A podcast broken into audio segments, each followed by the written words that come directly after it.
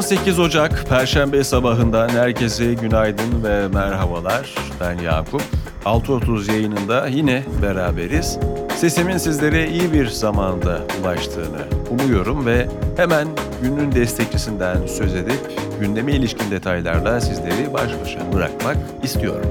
Bugünün bülteni Vester'le birlikte ulaşıyor. Anadolu kültür ve sanatını teknolojiyle buluşturan yeni Vestel Retro serisi köklerini geleceğe taşımayı kendisine misyon edinmiş Aslı Filinta imzası taşıyor. Teknoloji, tasarım, kadın ve kolektif çalışma bilincinin bir arada olduğu Vestel ve Aslı Filinta işbirliğinde Retro serisinin detaylarını bültende bulabilirsiniz.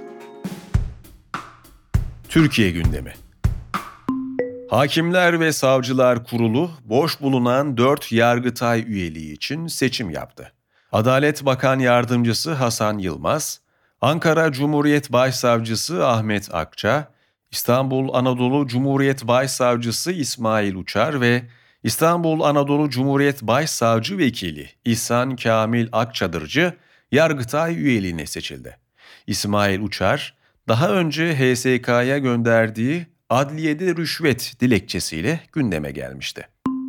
Adalet Bakanı Yılmaz Tunç, motokurye Yunus Emre Göçer'e otomobiliyle çarparak ölümüne yol açan Somali Cumhurbaşkanı'nın oğlu Muhammed Hasan Şeyh Mahmud'un yargılandığı davada çıkan karara ilişkin, taksirle işlenen suç mahkemenin takdiri. Şikayetçinin vazgeçmiş olması da böyle bir sonuç doğurdu açıklamasında bulundu. TÜGVA'nın İstanbul'da 1 Ocak sabahı düzenlediği Filistin'e destek mitingine katılan ve elinde tevhid bayrağı bulunan İsmail Aydemir'e yumruk attığı gerekçesiyle tutuklanan Ege Akersoy hakkında tahliye kararı verildi. Akersoy'a yurt dışına çıkış yasağı ile adli kontrol şartı getirildi.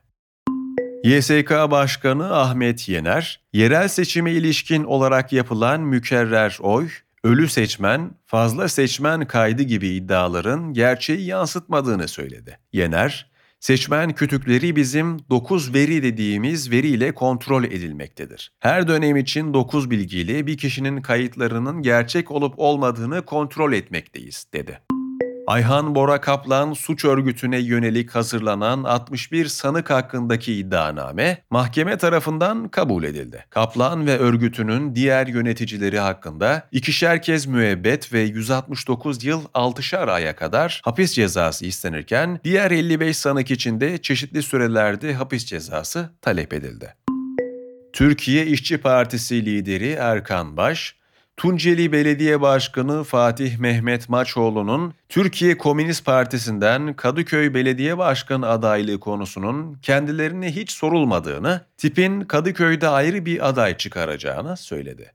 Baş, hafta sonu toplanacak olan parti meclisinde görüşüp adaylarımızı belirleyeceğiz diye konuştu. Sağlık Bakanı Fahrettin Koca, acile başvurularda geçen yılın aynı dönemine göre %20'ye yakın artış olduğunu, yoğun bakım doluluk oranlarında en fazla artışın %83 ile İstanbul'da olduğunu bildirdi. Dünya gündemi İsrail ve Hamas arasında ilaç ve insani yardım sevkiyatı için anlaşmaya varıldı. Anlaşmaya göre Gazze'de İsrailli rehineler için gerekli ilaçların sevkiyatı karşılığında Filistinli sivillere de ilaç ve insani yardım gönderilecek. ABD ordusu salı gecesi İran'a ait bir gemide ele geçirilen ve Husilere sevk edileceğini değerlendirdikleri füze parçalarının Kızıldeniz'deki ticari gemilere yönelik saldırılarda kullanıldığını belirtti. İran'ın uluslararası hukuku ihlal ettiği ifade edilirken geminin batırıldığı duyuruldu. ABD'den yapılan açıklamada İran'ın Husileri sofistike ve ölümcül araçlar sağlamaya devam ettiği açık denildi. Pakistan Dışişleri Bakanlığı, İran'daki Baluchi grubunun hava saldırısında iki çocuğun hayatını kaybettiğini bildirdi. Pakistan saldırıyı kınayarak ciddi sonuçları olacağını vurguladı.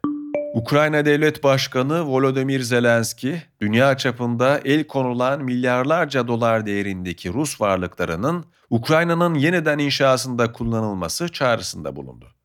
BBC'ye konuşan Zelenski, dünyanın elinde 300 milyar dolar varsa Bunu neden kullanmayalım dedi. Ukrayna Devlet Başkanı bu durumda batıdaki vergi mükelleflerinin savaşın faturasını üstlenmesine gerek kalmayacağını söyledi. Ulusal İstatistik Bürosu'nun verilerine göre Çin'in nüfusu 2023'te yaklaşık 2 milyon azaldı. 2022'de 1 milyar 411 milyon olan ülkenin nüfusu 2023'te 1 milyar 409 milyona geriledi. Bu 1960 yılından bu yana ilk defa Çin nüfusunda uzun vadeli bir azalma eğilimi olduğunu gösteriyor. Ekonomi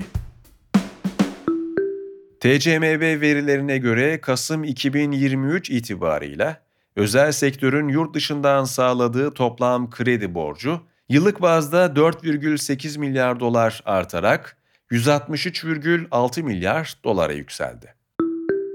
Kredi Derecelendirme Kuruluşu S&P, kurumsal temerrütlerin 2023'te %80 arttığını ve 2024'te küresel anlamda kredilerde daha fazla bozulma beklendiğini bildirdi.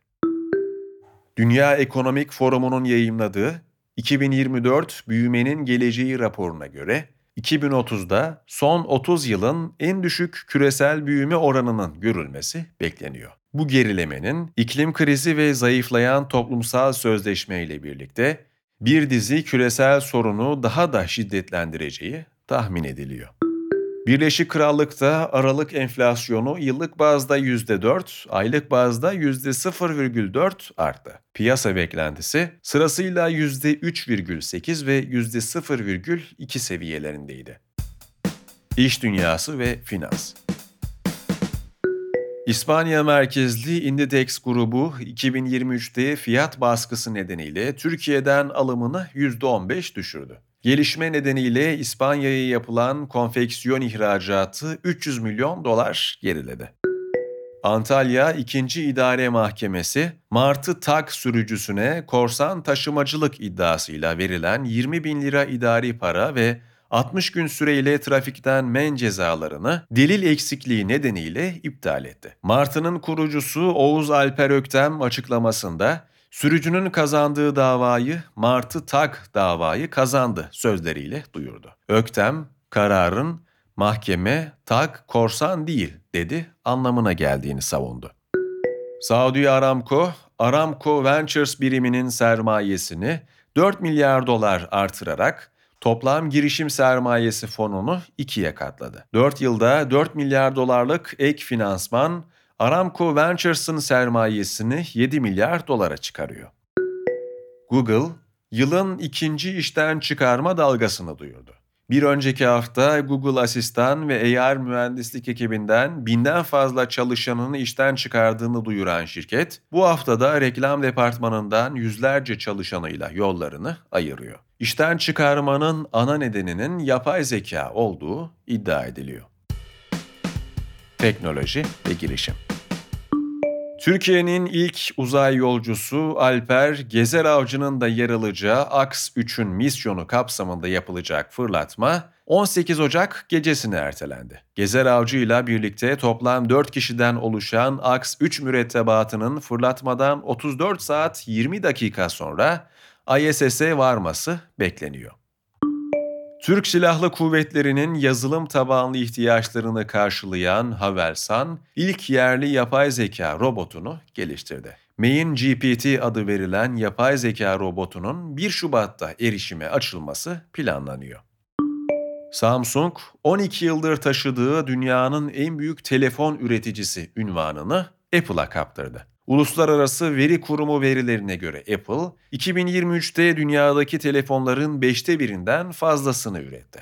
Samsung'un üretimdeki payı ise %19,4 oldu. Listede Samsung'u, Oppo ve Transition takip ediyor. Hepsi burada premium abonelik fiyatlarına zam yaptı kullanıcıların hediye Blue TV üyeliği gibi avantajlardan yararlanabildiği abonelik fiyatı 18 Ocak'tan itibaren 29,90 lira olacak.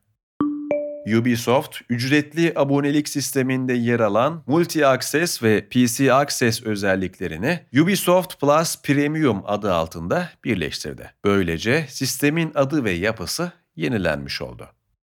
Günün hikayesi Kore'nin birleşmesi hayal oldu.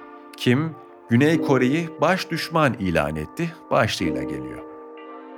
Kuzey Kore lideri Kim Jong-un hafta başında yaptığı açıklamada babasının başkent Pyongyang'da inşa ettirdiği ve Kore Yarımadası'nın yeniden birleşme olasılığını temsil eden anıtın göz zevkini bozduğu gerekçesiyle yıkılacağını duyurdu. Kim, yeniden birleşme takının yıkılması çağrısında bulunmanın yanında Pyongyang'ın Seul'la işbirliğini geliştirmesi konusunda çalışan 3 kurumu da kapatacağını söyledi. Ülke anayasasında Güney Kore'nin birincil ve değişmez baş düşman olduğu konusunda Kuzey Korelileri eğitmeye yönelik değişikliklere ihtiyaç duyulduğunu söyleyen Kim, Kore Yarımadası'nda bir savaş çıkması halinde anayasanın güneyi işgal etme, yeniden ele geçirme ve topraklarına katma konularını da içermesi gerektiğini ifade etti. Güney Kore Devlet Başkanı Yoon Suk Yeol ise kuzeyden gelebilecek herhangi bir provokasyona misliyle karşılık vereceklerini bildirdi. Devamı bültende. 18 Ocak Perşembe gününde gündeme ilişkin detayları sizlerle paylaştım. Ben Yakup. Bugünün bülteni Vester'le birlikte ulaştı. Bir sonraki yayında tekrar görüşünceye dek kendinize iyi bakın. Hoşçakalın.